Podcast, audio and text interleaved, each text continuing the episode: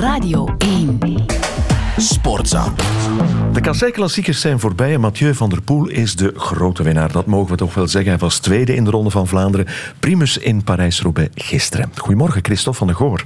Dag Jan, goedemorgen. Jij hebt het allemaal gevolgd natuurlijk. Hè? Van der Poel, ja, hij was echt wel de sterkste. Hè? Ja, ja, ja, maar misschien moeten we daarvoor, om daar een eh, goed antwoord op te proberen te geven, enkele elementen naast elkaar leggen. Van Aert ligt wel aan de basis van de ontsnapping. Hè. Net voor het bos van Wallers, meer dan 100 kilometer nog. Van der Poel valt onderweg enkele keren aan in Norchy op 50 kilometer van de streep. Van Aert heel vloeiend, alert op dat wiel. Monzon PVL, zelfde liedje. Van der Poel nog eens. Van Aert, geen probleem. Hellende strook. Van der Poel, nog eens volle bak. Van Aert, heel sterk antwoord in huis. Dus tot daar heb ik gisteren ook gezegd, Van der Poel wint op punten omwille van zijn aanvalslust, zijn dominantie in die kopgroep. Van Aert heeft dan wel Laporte zien wegvallen door die lekke band. Hè. Vanuit de achtergrond zijn twee ploegmaats van Van der Poel komen aansluiten, waardoor de wedstrijdsituatie volledig veranderde. Alpecin 3 tegen Jumbo 1. En dat is wellicht de reden, uh, Jan, denk ik, waarom Van Aert ietsje defensiever is gaan koersen, wat volledig zijn volste recht was en ook slim. En uiteindelijk is dan die lekke band van Van Aert een heel belangrijk, misschien wel beslissend koersfeit geworden. En dat is jammer, want als je beide vergelijkt, ja, die twee op de wielerbaan sprinten voor die overwinning, dat zou nog meer voldoening hebben gegeven. Niet alleen voor de toeschouwers, de kijkers, de luisteraars, maar voor die twee zelf. Want ja, die echte toppers willen winnen veel liever man tegen man, denk ik. Dat bezorgt hen de echte grandeur.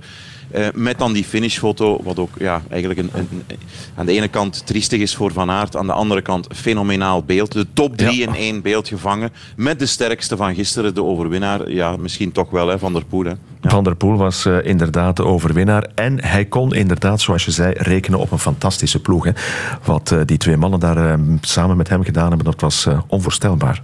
Ondanks het feit dat Van der Poel het WK veldrijden won, kende zijn ploeg eigenlijk een moeilijk seizoensbegin. Hè. Dat zijn we misschien al wat vergeten. Het was wachten op een overwinning. Er verschenen zelfs al artikels. Wat is er aan de hand met Alpecin?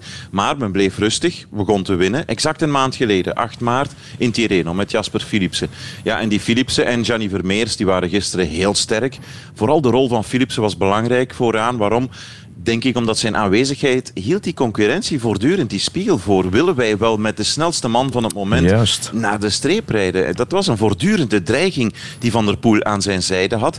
En beide mannen, ja, en ook Vermeers, die schuwden het, uh, ja, hun deel van het kopwerk allerminst. En daardoor maakten ze ook nog eens een vuist. En uh, ja, Philipsen, die had perfect Jan, een, een, carrière kunnen uitbouwen als sprinter. Als je wint op de Champs-Élysées, daar kan je heel goed je boterham mee verdienen. Maar toch zie je bij die complete sprinters, die veel inhoud hebben, dat ze zich ook willen bewijzen in bepaalde eh, klassiekers. Zeker als Belg wordt het belang van zo'n uh, Roubaix of Vlaanderen, Wevelgem nog belangrijker omwille van de uitstraling. Dus een sterke ploeg, ja even nuanceren. Er zijn dit voorjaar ook klassiekers geweest waarin we buiten Van der Poel, Philipsen en Seun Kra Andersen bijna niemand van Alpecin in de spits zagen. Dus uh, het was niet altijd roze geur en nee. maneschijn, maar gisteren wel. En dankzij Van der Poel heeft Alpecin dit voorjaar nu twee van de drie gereden monumenten gewonnen. En Jumbo, de beste ploeg, misschien wel de rijkste ploeg samen met Ineos van de wereld, niet. Dat is inderdaad een opvallende conclusie. Het palmares van Van der Poel, ja, dat oogt intussen ook indrukwekkend. Vier monumenten, de Amstel, Strade, twee keer Waregem, Brabantse Pijl, um, Van Aert, één monument, Sanremo. Maar daarnaast ook wel, niet vergeten, zeven klassiekers of semi-klassiekers. Uh, en een groter palmares in de Tour. Maar Van der Poel, ja, tot nu toe hebben ze elf monumenten tegen elkaar gereden. Um, dat gaat alleen maar over um, Sanremo, uh, Ronde van Vlaanderen en Roubaix. Acht keer eindigde Van der Poel voor Van Aert. Dat zijn de resultaten, dat zijn de cijfers. En dit voorjaar, door het winnen van Sanremo en gisteren uh, Parijs-Roubaix, heeft hij toch wel een voorsprong genomen, de Nederlanders. De balans uh, helt inderdaad duidelijk ja. in zijn voordeel over. Ja, toch opvallend, ik wil er toch nog eens op terugkomen, dat in deze hoogtechnologische tijden de wedstrijd beslist wordt door een lekke band op zo'n cruciaal moment. Hè? Ja, vier lekke banden voor Jumbo gisteren. Uh, op zich is dat niet exuberant veel. Zij rijden ook tubeless, net zoals de andere ploegen. Hè. Dat wil zeggen zonder een binnenband.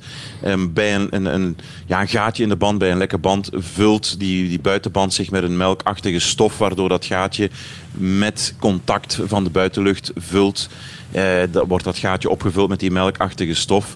Maar blijkbaar was dat onvoldoende. En het gebeurt ook, uh, Jan, op, op Carrefour de Larbre.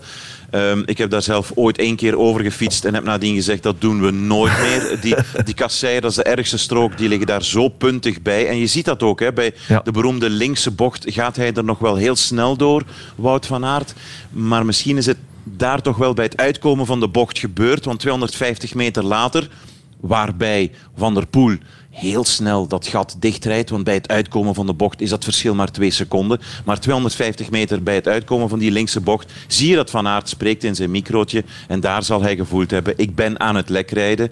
Op het meest cruciale moment, brute pech. Helaas, bijna de helaasheid der dingen zou ik zeggen, die vooral in Roubaix voorvallen. Ehm, ze zullen dat bespreken absoluut bij Jumbo, want alles wordt daar tot in de perfectie op materiaalvlak uh, bekeken. Ik vermoed ja, dat men ook zal concluderen, brute pech, brute pech. Brute pech, inderdaad. Maar je zei het al, Jumbo-Visma, de rijkste ploeg misschien wel, samen met Ineos. Uh, ze winnen zowat alle kasseikoersen, behalve dan die twee monumenten. Ja, hoe moeten we dat voorjaar nu inschatten? Toch nog als goed. Kijk, eh, ze, winnen eh, dat openingsweekend indrukwekkend van Baarle, Ties Benoot, uh, Harelbeke geven een show weg in Wevelgem. Alleen, en daar komt het grote cliché, ja, die, die, die kers, die monumentale kers op die taart, die, die ontbreekt. En Anderzijds snap ik Jumbo-Visma ook wel, hè, want José de Kouwer bijvoorbeeld is heel streng en die zegt je hebt toch een goed voorseizoen gewonnen. Hoe kan je nu als management zeggen het is niet geslaagd ons voorseizoen wanneer je geen monument wint?